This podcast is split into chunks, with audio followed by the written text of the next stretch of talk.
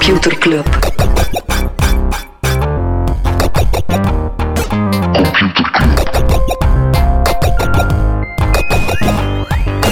Computer Club. Hey Smolly, Hey Freddy, welkom, welkom terug. welkom. Welkom bij Computer Club, een wekelijkse podcast over technologie. Iedere aflevering selecteren Freddy en ik een eh, interessant artikel en presenteren we een feitje. En beginnen doen we elke keer met ja, wat non-nieuws. Ja, er is een eh, redelijk wat non-nieuws. Airbnb die gaat ooit met zwarte cijfers naar de beurs. En zwarte cijfers, dat klinkt negatief, maar dat is eigenlijk super positief. Dat betekent dat ze geen verlies meer maken. En dat doen ze niet omdat ze veel winst maken, maar eerder omdat ze zodanig veel ko- kosten hebben weggesneden.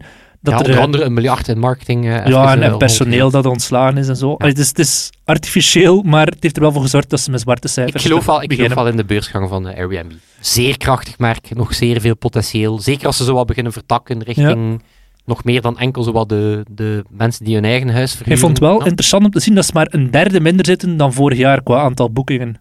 Ja, omdat ze redelijk, we hebben het er een paar afleveringen geleden Mhm. over gehad. Hè. Ze hebben toch redelijk goed die De shift Allee, gemaakt de- schade- en eh, ja, dat soort dingen. de schade opgevangen. Dus ongetwijfeld keren die terug. En eh, ja, ik geloof er wel in. Yes. Eh, ook zo'n rubriek dat we vaak mee gestart hebben, was zo, hoe zou het nog zijn met de TikTok-deal? Oh god. Zo van, wat was Ja, ja. met de TikTok? En nu vraag je af, hoe zou het dan nog zijn met de TikTok-deal? Nu, hilarisch, kennen ze het concept van ghosting? Als je aan het daten bent bijvoorbeeld en de ander stuurt niet meer terug. Ja. Want TikTok klaagt nu dat ze letterlijk geghost worden door de Amerikaanse overheid. Die antwoorden gewoon niet meer op hun bericht. Ehm, nee, er is blijkbaar wel een extensie om tot de regeling te komen. En de Department of Commerce die zeggen dat ze de ban eigenlijk niet gaan, eh, gaan doorvoeren. Oké. Dus het is de definitie van een grijze zone. Ehm, wellicht gaan ze gewoon wachten totdat Trump weg is. En ik heb hier een kleine woordspeling. eh, biding their time. Oh my god. Een beetje in dezelfde categorie Huawei. Die heeft de Honor verkocht. En dat is blijkbaar een tak van Huawei met de budget smartphones. Ze hebben die verkocht. Ja, uiteraard, maar dat moest. Maar ze hebben die verkocht aan organisaties die aan de Chinese overheid verbonden zijn. Totaal niet verdacht. Maar Over de Chinese overheid gesproken. eh, redelijk zot wat daar aan het gebeuren is. We hadden het daar al eerder over de Ant Financial IPO, die dan toch niet doorging. Mhm. Eh, omdat China nu eh, iets strenger gaat optreden richting fintechs en, en, en wat, wat die wel en niet mogen. En ze gaan dat nu ook doen rond internetbedrijven. Ze hebben zowaar eh, een aantal antitrust regels opgesteld tegen Alibaba en Tencent. Oké. Heel wat speculatie. Het is, het, is, het is echt zo van, doe ze het om eh, biljonairs een lesje te leren? Eh, Jack Ma die zou blijkbaar Mhm. iets te heftig gespeecht hebben. En dan vraag je af, was dat, was dat de aanleiding voor die strenge regels? Of was die speech er omdat hij wist dat die strenge regels gingen komen? Is dat gewoon de communistische partij die wil tonen van, eh, wij zijn nog altijd de baas? Nu, het is wel een feit dat die technologie sector en e-commerce sector eigenlijk heel lang gewoon zijn ding mochten. Mhm. Dus het is niet zo gek dat er nu wel iets meer Regelgeving. regelgeving komt. Yes. Nog over overheid en techbedrijven. Eh, vandaag, dus tegen de mensen de aflevering beluisterd hebben, zal het al gebeurd zijn. Is er een nieuwe hearing gepland met Mark Zuckerberg en Jack Dorsey. Er was er al één eh, een paar weken geleden, maar het verschil nu is uiteraard, de verkiezingen zijn achter de rug, dus dat zal ook wel een hot topic zijn in die gesprekken. Ja, het gaat over dat artikel van de New York Post. ja. Onder andere. Maar het Ja, ja, zo gezegd de Ja. teruggevonden laptop van de zoon van Joe Biden. Wat Ja. dat dan toevallig bezwarend... eh, en het feit dat Facebook en Twitter dat artikel vrij snel tegengehouden hebben. mhm, Wat dat er ironisch gezien voor gezorgd heeft dat artikel superveel gedeeld wordt. Ja. gedeeld wordt. Eh, we rijden van de ene Segway in de andere, en dit is de Segway. Eh, Uber en zelfrijdende wagens. Eh, blijkbaar zouden hun, de afdeling die bezig is met autonome wagens, zouden die verkopen. Mhm. Eh, Aan? De koper nog te bepalen. Ehm, maar wel op- opvallend, want iedereen zegt dan dat is de endgame voor Uber. Zelfrijdende vloten en dan hebben we zelf geen chauffeurs meer nodig en dan moeten we Mhm. zelf geen mensen meer uitbuiten en dan buiten we gewoon robots uit. Ehm, maar ja, ehm, denk iedereen deelt die mening. Het duurt gewoon zeer lang eer dat we daar geraken. Echt zelfrijdende, volledig autonome wagens. Alright. En dan kan je ook de vraag stellen, als het zover is, moeten ze dan per se die technologie zelf bezitten? Of kunnen ze die gewoon hè. van een ander? Ja. Cool, dat sluit heel goed aan met mijn artikel van. Maar eh, heb jij nog Eh, ja, feitjes, een nieuwtjes? coole eh, luisteraar, Ad, die deelde mee dat Guido van Rossem, Aha. Remember, aflevering Ja, ja. 54, de uitvinder van Python. eh, ja, die, die deelde mee dat hij, eh, ja, hij verveelt zich in pensioen en die gaat bij Microsoft in de Developer Division ook eh, terug een rol gaan opnemen. Eh, er wordt wel eens gelacht met mijn eh, stopwoordjes. Ehm, en hier komt hij. dat is een baller move. Een baller move. Baller dat is wel eh, Guido van onder het stof gehaald. Voilà, en hij zei, there's a lot of open source here, watch this space. Dus eh, Guido is enthousiast en ik denk Microsoft Zalig. ook. En ik denk iedereen eh, kan erover Ja, enthousiast het is zijn. een soort evangelist, zoals dat Vint Cerf is voor Google. Voilà. eh, cool. Voilà. Maar hij zei ook, het gaat heel goed zijn voor Python. Mhm. Heb je nog non-nieuws? Nee. Wat eentje, maar ik denk dat elke Android-gebruiker het wel weet. Ehm, Ehm, na Google V- VPN, hè, we hadden daar vermeld dat er misschien een VPN-dienst zou komen, eh, gaan ze nu ook, riekt Google het services geld, ze gaan dat Google Foto's betalend maken. Ja. Allee, het is te zeggen, eh, vanaf 1 juni volgend jaar ehm, ga je, gaan nieuwe foto's, dat je dan nog toevoegt, tellen tegen een limiet van 150 gigabyte. En dan ga je, ja, ik denk 150 was het niet 15? Eh, 15 Ja, gigabyte. en dan ga je eh, 2 dollar per maand moeten, eh, moeten gaan betalen. Of een Google One subscription. Ja. Allee, het is het klassieke verhaal. Ehm, maar er komt wel wat kritiek. Eh, enerzijds omdat ze zeggen van ja, dankzij Google Foto's gratis, hè, wat fantastisch was, zijn al die concurrenten eigenlijk de markt uitgeprijsd. Mhm. En nu ga je plotseling hè, beginnen betalen, zo'n klassiek verhaal. Maar dan anderzijds, ja, betaal je bij, betaal je bij Google al niet met je data. Hè, door het feit dat Google ja. toch wel met advertising heel veel geld verdient, passeren ze hiermee niet twee keer langs de kassa. Maar bon, het is, eh, ja, het is, het is, het is de obvious move, maar het is wel eentje dat je voelt voor Google is het moeilijk. Omdat hij, het past niet echt bij hun DNA. Ja, hè. ik zit dan met 12 gigabyte of zo al, eh, dus ik zit er bijna aan. Ik, ik weet dat ik op mijn iPhone met lang zo wat, oh nee, shit, en die storage, totdat je dan gewoon zegt, weet je, die 2, 3 dollar per maand, en Mhm. dan zijn je er vanaf. Ja, maar ja, veel kleine 2 en 3 dollartjes samen is al snel eh, een groot budget, hè? Trouwens, ik heb nog wat eh, leuk non-nieuws. Ehm, mijn redding in de eerste lockdown, weet je nog wat dat was? Animal Crossing? Ja. Want er is nu academisch onderzoek waaruit dat blijkt dat Animal Crossing goed is voor mensen. Ehm, mensen die eh, elke dag Animal Crossing spelen zijn gelukkiger dan mensen die het niet doen. Eh, het enige nadeel is, eh, je moet vier uur Animal Crossing spelen per dag. Ja, dus dat is wel stevig, eh wel eilandtijd. En dat daar ergens een eh causalisatie of wat is het? Het is toevallig dat dat dezelfde mensen zijn. Mensen die sowieso al gelukkig de zijn. aanleiding Ja. dat je... Is, ben je gelukkig omdat je Animal Crossing speelt, of speel je Animal Crossing Dus dat- je van nature dat er, een eh, happy... En nog Een happy, loop zit in academisch onderzoek. Oké. Freddy, in de VS gaat DoorDash naar de beurs. Dat is een beetje de Deliveroo van Amerika. Een, Oké, dienst, Voilà, inderdaad. een ja. dienst waarmee dat je Amerika eten kan... kennen we, maar door de... Ja, een dienst waarmee dat, dat je, dat je eten kan laten eh, deliveren. Het heette in het begin Palo Alto Delivery, is gelanceerd in 2013. En het heeft ondertussen, ja, het is weer zo'n typisch businessmodel dat vooral op investeringen drijft. Ze hebben 2,5 miljard Dat ook het opgehaald. klassieke verhaal van Silicon Valley problemen oplossen. Ja, ja. Palo Alto Delivery, die developers die laat bezig zijn. En het werkt hier, dus het moet wel over heel de wereld werken. 2,5 miljard opgehaald in 11 kapitaalrondes bij 28 verschillende investeerders. Dat is insane, hè? Dus bij Deliveroo bijvoorbeeld, die hebben in 10 rondes 1,5 miljard opgehaald, waaronder ook bij Belgische Hummingbird Ventures. En dat systeem dat blijft functioneren zolang dat mensen daar geld in blijven steken, maar dat om duur wordt dat gewoon een zeebel. En je weet inderdaad niet wanneer knapt die zeebel, of wanneer, wanneer beginnen we in te zien dat systeem, dat werkt gewoon niet, die gig economy. Je ziet net Uber, Uber bestaat 10 jaar. Uber is tussen haakjes de meest winstgevende afdeling van Uber. Ik zet dat tussen haakjes bewust. Uber iets dan. Uber. Ja, Ja, ja, ja. Omdat die in het laatste kwartaal van 2019 hebben die 461 miljoen verloren op een omzet van 734 miljoen. Dus even, dat betekent, Uber heeft gewoon 1,2 miljard betaald om een omzet te halen van 734 miljoen. Dus die zitten gewoon geld te smijten in een put die steeds leger en leger wordt. Op drie maanden tijd gewoon echt. En Uber staat nu op de beurs. Ze staan eh 14% hoger dan dit sinds de beursgang, wat eigenlijk een flop is als je kijkt naar andere gelijkaardige techbedrijven, die, die zijn echt geboomd. Maar ja, maar we hadden het er ook al over, het feit dat die tegenwoordig zoveel geld ophalen, dat als die dan naar de beurs gaan, dat Ja, van- kan niet blijven... Allee, je kunt niet Nee. blijven nog hoger waardering... eh, Het geniale is dat Uber en DoorDash ook dezelfde investeerder delen.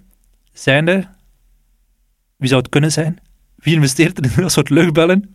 Ik weet het niet. Softbank? Softbank. Masayoshi Son? Uiteraard. Hoor het. Over, over zeeballen gesproken, Softbank, die hebben nu zo, zijn nu eindelijk aan het toegeven van, ja, misschien zijn we toch iets meer een investeringsfirma dan dat we een... eh, en het grappige is, Visionair, als ze dat nieuws gebracht hebben, Ja. hebben ze ook meegedeeld dat ze op dit moment miljarden in het rood staan Nou, met hun investeringsdiensten. Ja, ja. Dus dat is niet de beste landingspagina om, eh, om, om je geld daar te gaan parkeren. nee, nee. eh. Dus ja, Softbank investeert zowel in Uber iets als in, eh, als in, in DoorDash. Dus er is al een gerucht van misschien gaan die ooit samen gaan.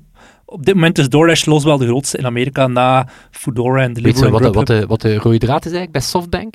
Ehm, dat is wel Scott Galloway, ik vind dat wel nog goed. Die noemt dat de story stocks. Mhm. Dus die, die, dat spreekt over, jij gaat dat weten, zo het, de waardering is een veelvoud van x aantal keer de omzet. Dat is Mhm. een bepaalde coëfficiënt. Heel Ja, dat hangt er vanaf hoeveel, maar het is meestal inderdaad... Voilà, ja, dus x aantal keer de jaaromzet. En typisch bij techbedrijven ligt dat waanzinnig hoog. Mhm. Weet je, normaal is dat dan, ik zeg maar iets, zeven keer, acht keer. En bij techbedrijven is dat al 40, 50, Ja, ja. 60. Ehm, dus ja, bij Uber, je investeert niet in de cijfers van nu. Je investeert in het potentieel ooit. Mhm. En Eh, je smijt daar geld tegenaan. Dus ooit gaan ze inderdaad met zelfrijdende auto's komen en dan gaat dan, is Ja. alles... eh, een soort walhalla waar dat er naar, naar, naar geho- gehoopt wordt. Dat zie je dus ook bij DoorDash. Als je naar de beurs gaat, moet je een IPO, moet je heel veel documentatie voorleggen. En daaruit blijkt uiteraard ook weer hier dat die fenomenaal veel verliezen maken. In het tweede kwartaal van 2020 hebben ze een heel klein beetje winst gemaakt, maar in het kwartaal daarna, het derde kwartaal, weer helemaal om zeep. Ja. Want dat las ik wel, dat er, dat er opvallend, dat het opvallend was. Er was zo'n boost even was. tijdens, tijdens, de, tijdens de lockdown. Hey, mensen bestellen veel, maar dan het derde kwartaal zijn ze er weer geslaagd om dat te doen verliezen. En dat is, eh, ze gaan dus niet naar de beurs omdat ze het leuk vinden, maar echt gewoon omdat het echt wel nodig is. Omdat ze nog meer geld nodig hebben. En ze hebben Softbank al in het zaak gezet, dus ze vinden geen andere investeerders meer. Maar food delivery is dus gebaseerd op de mythe van efficiëntie. Efficiënt, allee, Walhalla, zoals hij zelf zegt. Ooit gaat er een tijd komen dat alle restaurants in de straat een melding krijgen. Ze gaan dan de perfect voorgezette maaltijd in een zakje kunnen zetten en de, de, de bestuurder of de chauffeur gaat de perfecte route kunnen afrijden. Hey, je gaat zeggen van één, Dus één maaltijd. ook, ook gebaseerd op- gewoon vraag en eigenlijk alle vraag en aanbod Ja. daarmate centraliseren. die dat je perfect daar op elkaar soort- inklikken. ja, En elke maaltijd wordt perfect geleverd. Je, hebt, je gaat nooit meer hebben dat de maaltijd koud is of slecht geleverd of de verkeerde verpakking of whatever. Ehm, en het feit is ook, ja, er gaan ooit zelfrijdende bestuurders eh, of zelfrijdende voilà, scooters dan komen. is die kost ook weg. Ja, en het gaat productiever, mensen gaan veel productiever zijn. Hij zou zeggen, kijk, het kan wel. Kijk naar een Domino's Pizza bijvoorbeeld. Domino's Pizza, dat is eigenlijk een soort ghost kitchen. Hè. Is niemand die zegt van, hij gaat nooit tegen Katrien zeggen, kom, we vanavond gezellig in de Domino's Pizza iets gaan eten. Maar dat is gewoon, daar werkt dat wel, bij dat soort... Bij, bij Chinese eh, takeaway maaltijden of bij, bij een Domino's Pizza, die hebben zelf in de couriers. En daar werkt dat businessmodel wel, omdat die mensen die, die daar courier zijn, die staan ook soms in de keuken en die weten perfect ehm, dit, dit is de perfecte pizzadoos. Hij gaat niet koud worden onderweg. Die hebben de perfecte dozen en, en zakken om dat allemaal warm te houden. Dus je krijgt bij Domino's Pizza nooit de verkeerde, verkeerde levering. Ja, en ik Of een slechte- pizza's zijn ook dermate... Simpel om te vervoeren. Ja, en ook een, een, een, product dat je enorm veel marge op pakt. Een Ja. pizza is behoorlijk goedkoop om te maken. Dus als je die, als je die verkoopt, Ja. aan inderdaad 10 euro, ja, dan is dat wel oké dat je daar nog eh, een courier met een brommerke bij Mhm. betaalt. En vaak zijn die ook zo heel lokaal gebonden. Dus je weet perfect wat is de route was. Je gaat, je gaat nooit van de ene kant van Gent bestellen met een Domino's Pizza aan de andere kant van Gent. Terwijl dat bij Deliveroo doe dat wel. Dan zeg je, ah, ik wil perfect van die ene Chinees of die ene sushi-zaak aan de hele andere kant van de stad wil ik iets gaan bestellen op Deliveroo. Vaak wordt dat dan wel gedaan.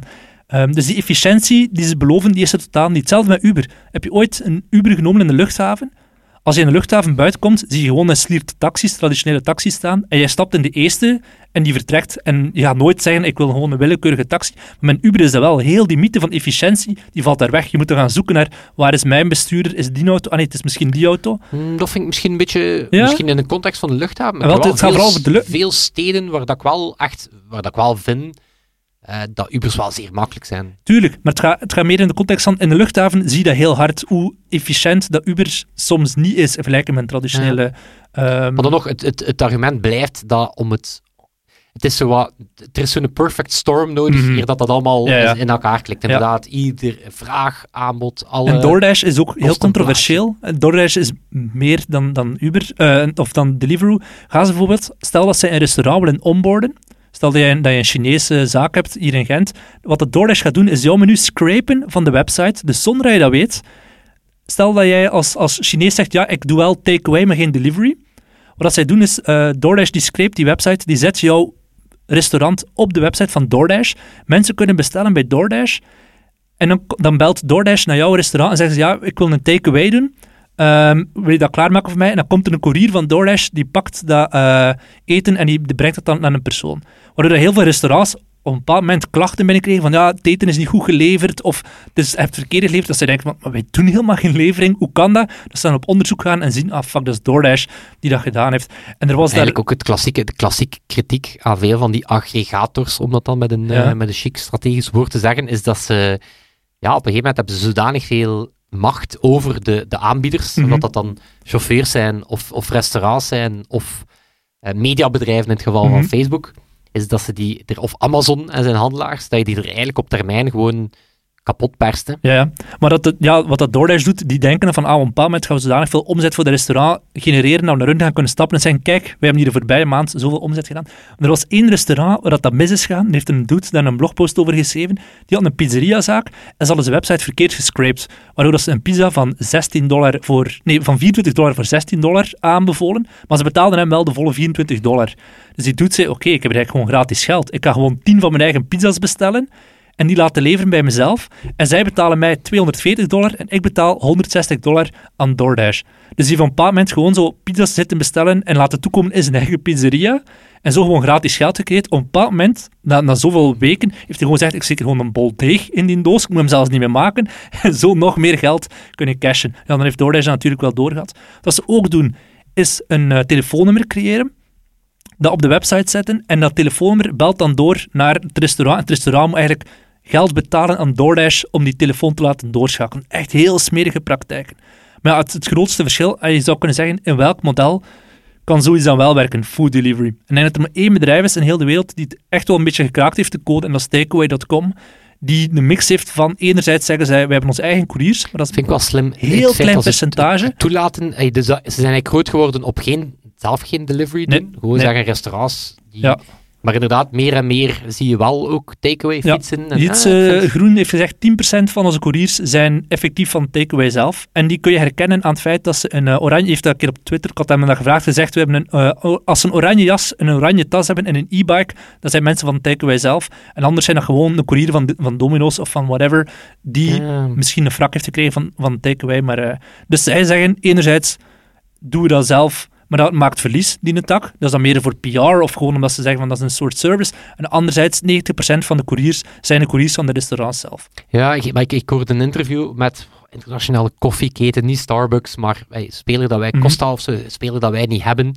Eh, en die CEO zei ook van, ehm, het is belangrijk dat je land per land, stad per stad, ehm, agnostisch kan inspelen op het model dat daar goed werkt. Mhm. En als dat betekent dat je eigen delivery doet, dan doe je dat. Als het betekent dat daar een, een goed gevestigd logistiek ding is, dan doe je dat. Ja. En hij zegt, dat is eigenlijk de kracht dat je als, als foodmerk eh, daarop moet kunnen inspelen, inderdaad. Ja, ik denk dat het ook afhangt nog van per restaurant. Want we zeggen hier inderdaad, zo'n Domino's, die hebben hun eigen couriers en een eh, Chinees vaak ook. Maar als het dan gaat over zo'n Balls and Glory, die hebben dat weer niet. En daar zeg je dan, oké, voor jullie gaan we dan wel een courier voorzien. Dat is misschien een, een meerprijs of zo dat je moet betalen. Ik weet niet hoe dat, Ja, dat ik weet niet businessmodel precies niet zit, wat maar het businessmodel naar, naar restaurants is. kan ik hem vragen naar Wim Balieu of zo, hoe dat, dat voor hun... eh, Ha, Smolly, normaal ben ik slecht voorbereid. ja, fuck. Ha! Allee, ik kan er nog uitwerken een iets langere tekst dan... eh, Nee, maar ja, het is, het, is, het is wel interessant, want inderdaad, hoe hard blijft dan, hoe, hoe lucratief is dat, of, of hoe gezond is dat model voor alle, voor Mhm. alle betrokken partijen.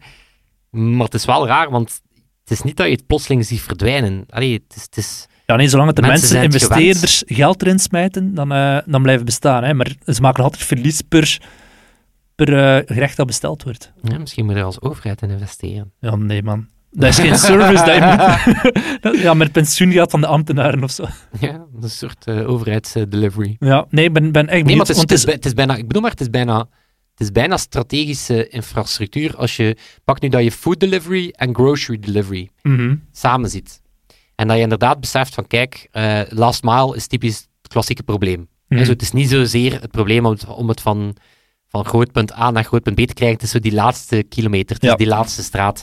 Het moment dat je daar eigenlijk over nadenkt van als een stad of als een, eh, een land, eigenlijk is dat bijna strategische infrastructuur.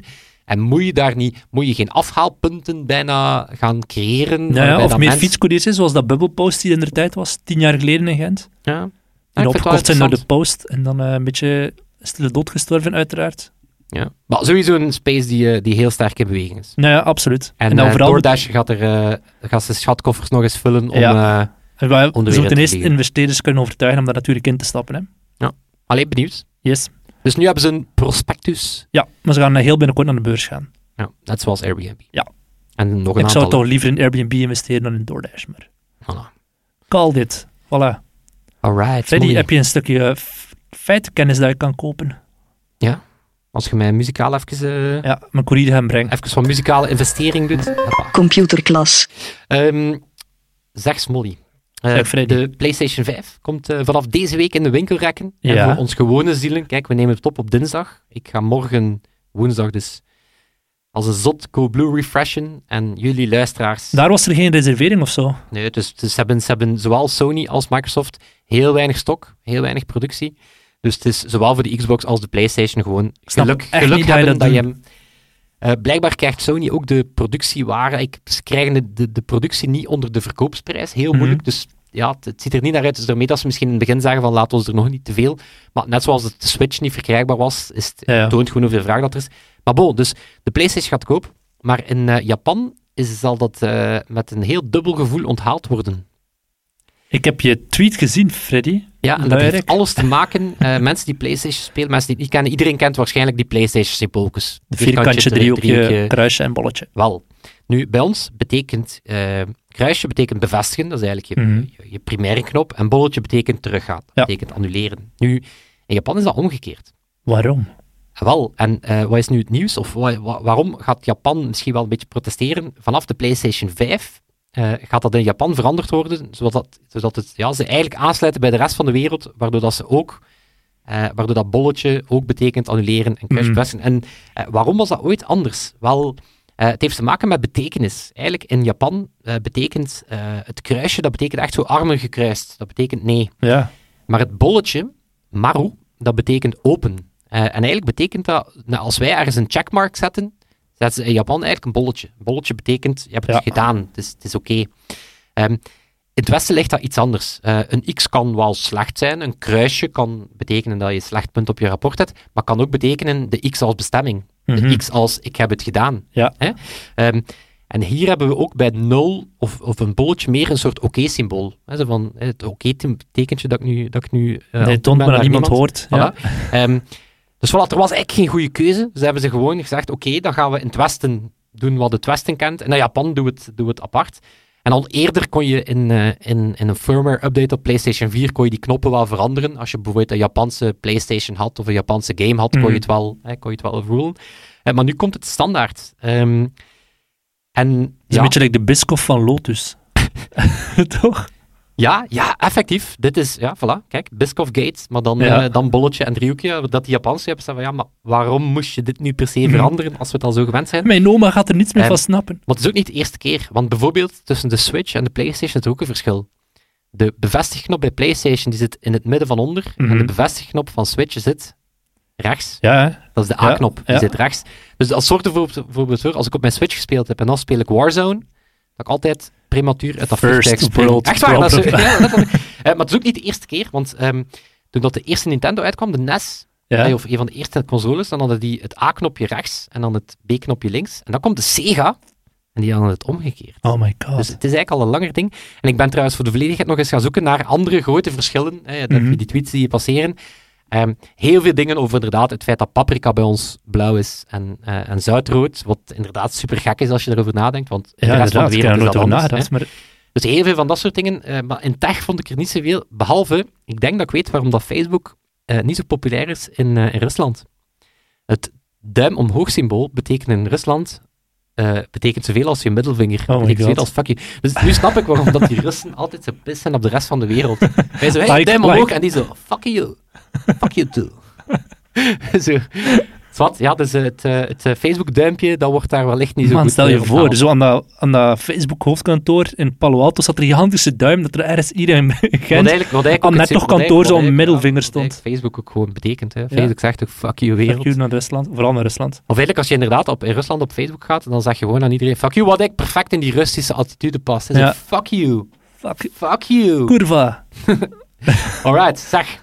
Heb Voilà, je een artikel ook gelezen? Eh, ja, ik wil het hebben over de, eh, de nieuwe Apple-chip. Dat zullen we allemaal al geweten hebben. Eh, dus Apple eh, vorige week een aantal nieuwe toestellen aangekondigd. Ehm, niet per se, het hoeft niet per se te gaan over, ja, oké, het, het is een nieuwe MacBook Air en het is een nieuwe MacBook Pro. En er is Wie heeft er een MacBook Air gekocht Mini. vier maanden geleden? Hey. Ja, voilà. Maar het gaat meer specifiek over, het was aangekondigd, het feit dat Apple eh, 15 jaar nadat ze geswitcht waren naar Intel-chips, want toen hadden Apple-computers echt een achterstand, die waren Mhm. veel trager, dus hebben ze gezegd, oké, we gaan naar Intel. Ehm was een goede move, maar nu na 15 jaar gaan ze weg van Intel, heel pijnlijk voor Intel, en gaan ze eh, op ARM-architectuur gebaseerd, wat ze eigenlijk al deden met hun smartphones, gaan ze nu ook hun eigen Apple-chips gaan gebruiken, de M1. Ehm, Wat is ARM? ARM is, ehm, dat is eigenlijk de architectuur waarop dat die chip gebaseerd is. Dus ehm, in chipland heb je, je hebt eigenlijk een aantal, eigenlijk die, die ARM-architectuur kan je bijna zien als een soort standaarden waarop dat er afgesproken wordt. Mhm. Hè, waarbij dat je zegt, kijk, die, die chips die zien er typisch zo uit. Dan heb je de chip designers. In dit geval zegt Apple, kijk, wij designen onze eigen chip. Google doet dat bijvoorbeeld op een aantal vlakken ook. En dan heb je chipfabrikanten. Eh, TCMC bijvoorbeeld is zo'n hele grote, de Taiwanese supply chip. Mhm. En die zeggen van, kijk, jullie moeten jullie niks aantrekken van die productie. Wij gaan dat doen. En we gaan zorgen dat we die kleiner en kleiner kunnen produceren. Eh, en Intel is een beetje een, ja, een, een oude dino die zowel Alles het design kan. als de productie deed, wat een beetje een achterhaald model is. Want, eh, waarover gaat dat dan? Ehm, waarom zou je überhaupt zelf chips gaan designen? Ehm, en dat is eigenlijk de grote verandering is, ehm, of waarom dat dit een heel interessante nieuwe evolutie is. Die smartphones van Apple, waarom ja, blijven die op een aantal vlakken wel echt goed zijn, is omdat Apple, kijk, die staan al heel lang bekend om het feit dat ze hardware en software op elkaar laten aligneren. Mhm. Het feit dat die, dat die goed met elkaar samenwerken. Eens dat je dat ook op het chipniveau begint te doen, dan kan je nog veel meer dingen. Hè. Zo, we hebben het ook al eerder gehad over chips die geoptimaliseerd zijn voor machine learning. Mhm. Hè, de Google Tensor Processing Unit. eh, die worden of Apple, ehm, Amazon die zegt am- heel specifieke Alexa chips die heel goed zijn in luisteren naar Mhm. Het wake word. Ja. Ehm, dus dat zorgt ervoor dat je eigenlijk je softwareervaring weer beter kan laten maken door het feit dat die chip speciaal ontworpen is voor hetgeen dat jij ermee Ja. wilt doen.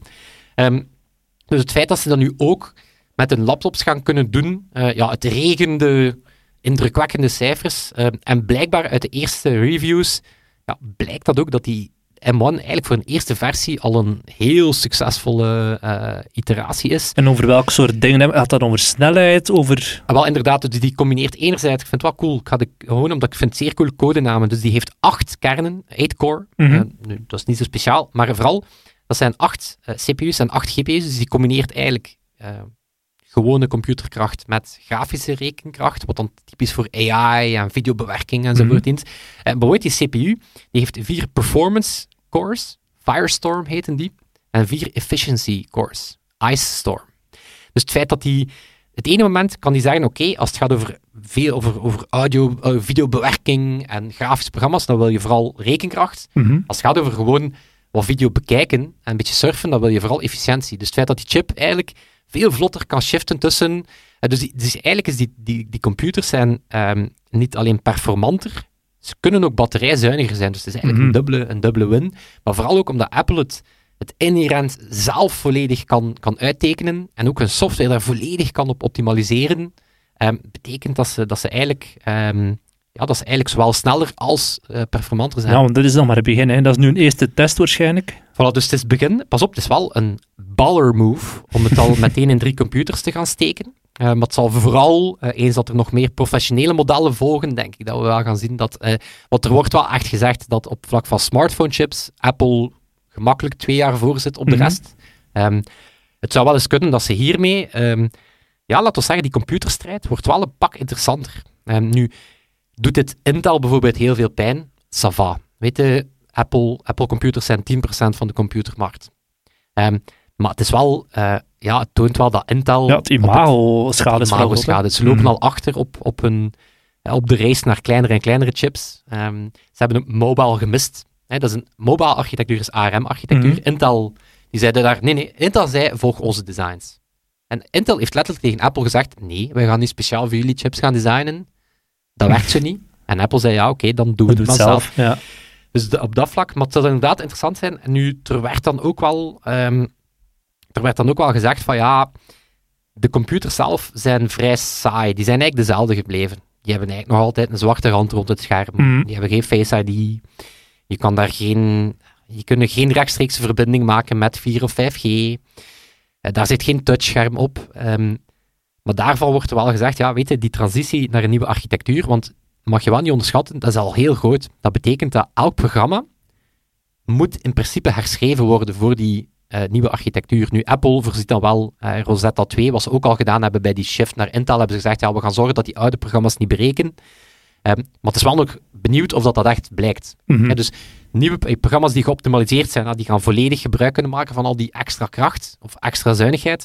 bestaande programma's zouden moeten blijven werken. Maar die shift is wel, ey, dat is wel een serieuze shift om van het ene Ja. jaar op het ander met je volledige computer line-up en je volledige bestuurssysteem dat te doen. Dus vandaar dat ze wel echt zeiden van, om daar nu nog grote nieuwe features op te gaan bouwen, laten we Nee, zorgen dat de computers al niet in Beginnen met beginnen. Maar het is wel, ja, het is wel... ehm, En in maart komen die nieuwe computers move. uit? Eh, die komen eigenlijk elk moment uit. ah, oké. Die komen elk moment uit, maar het zijn dus ja, het zijn, het zijn, de, brave, het zijn de brave modellen. Eh, De Air, de MacBook Pro, alhoewel dat je kan afvragen, wat is de, de Pro van nog 13 waard? inch zelfs maar. Ja, het is, het is, ik vind dat ook een heel naamonwaardige eh, MacBook Pro. Ik versta eigenlijk niet goed wat die is. Hm. Dat is een soort... Het is geen Pro en het is eigenlijk gewoon een dikke Air. Dus ja, ik weet niet goed. Ehm, maar ja, dus, dus breder dan enkel die, die, breder dan enkel die Apple-computers is het wel... eh, is de trend wel ingezet naar, en dat heet dan eh, System on a Chip. Ja, dat betekent een volledige verticale integratie. Dus niet enkel je hardware en je software verticaal integreren, maar ook die chip zelf Mhm. volledig integreren. Dat betekent ehm, je GPU, je CPU, je geheugen, je security zit eigenlijk allemaal op die ene, op die ene chip. Ehm, dat is interessant. Hè? Je spaart plekken uit, je kan ze beter op elkaar afstemmen. Het betekent natuurlijk ook dat je er als, eh, als hacker iets minder mee kan klooien. Het is natuurlijk ook weer een beetje die Apple-trend Ja. van we abstraheren het weg. Kan Alles er niet veel meer aan doen. Dus ook de enige kritiek eigenlijk is dat, er een, eh, een, eh, dat die nieuwe computers maar 16 gigabyte aan, aan RAM hebben. Beetje raar. Ja, dat is inderdaad niet zo. eh. Zou Apple dat ooit gaan leasen? Nee, waarschijnlijk niet. Hè. Het is, het is een, Het is Net- een concurrentievoordeel dat ja, eh, maar net dat is, is waarom dat, dat die nieuwe chip wars zo interessant zijn. Want dit was heel lang een, een commoditeit. Dit was heel lang iets waar dat je je eigenlijk niet veel van aantrok. Mhm. Je ging gewoon met Intel of, eh, hoe noemen de andere, ARD denk ik. Qualcomm? Nee. Maar inderdaad, je ging met de Qualcomms en de ARD's en de eh, of AMD's en Mhm. de, de Intels. Je ging daar gewoon, ja, je nam die gewoon, je, je, je nam die dingen gewoon af. En je ging je dan bezighouden met het design van je hardware en Mhm. het design van je software. Maar het feit dat dat nu toch tot op het chipniveau geraakt, is eigenlijk wel een redelijk interessante eh, nieuwe strijd. Eh, en eentje waarvan, oké, ik ben een, ben een Apple fanboy, maar ehm, waar dat Apple hier wel duidelijk, eh, duidelijk de race even aan het, Ja, aan het opgang Zoals bij de is. smartphone-wereld dat hebben, op vlak van performantie dan. Voilà. Maar opnieuw, het is ook zeker niks nieuws. Het wordt al, het wordt al langer gedaan op vlak van AI-chips. Nvidia bijvoorbeeld. Mhm. eh, Amazon, Google Tensor Processing Units op vlak van datacenter chips. Dus het is iets dat eigenlijk ook al in andere dingen gebeurt, maar dat ook na smartphones nu ook in gewone Ja. computers gaat komen. Alright. Voilà. Nice. Zeg Smolly, Zeg Freddy. voordat we eruit gaan, onze amigo's bedanken, Toon en Sebastiaan, Ja. deze week de edit doet. Het is een beetje Maar, kou hier, hè? Ja. Ik heb zo nood aan iets om, eh, om mijn oren te verwarmen. Voilà, er zijn computerclub mutsen. Zalig, We hadden al twee weken geleden wat geteased. We hebben er een paar proefmodellen eh, be- besteld. Ze zijn cool. Eh, dus we hebben eh, vanaf nu zitten we niet enkel in je oren, maar ook over je oren. Wauw. Ja, lang voorbereid deze. Nee, we hebben, de, we hebben een paar klassieke ontwerpen, zoals ons, ons regenboog, eh het Apple-logo. Miami Vice. We hebben ons Miami Vice. En dan hebben we ook een soort ja, 8-bit, Ja. eh, geïnspireerd van die oldschool games. Een nieuw, nieuw ontwerp. Het ziet er wel cool uit. Eh, maar dan kan je vanaf nu naar eh, Computerclub Online. En dan, eh, Computerclub.online. Inderdaad. Computerclub.online en dan zit hij binnenkort in je brievenbus Yes. voor die winterse, die winterse COVID-wandelingen. Perfect. En voor de rest, ja, als er nog dingen zijn die je wilt delen, deel het gerust in onze Facebookgroep, waar je lange essays en interessante discussies met elkaar kan voeren. Voilà. Inderdaad, ons clubhuis blijft daar, eh, blijft daar de baks. Op, eh, gewoon even zoeken op Facebook naar Computerclub. Of Yes. via de site land je er ook heel makkelijk op. En dat zal het zijn. Tot volgende Volgende week. week. Yo! Yo. Computer Club.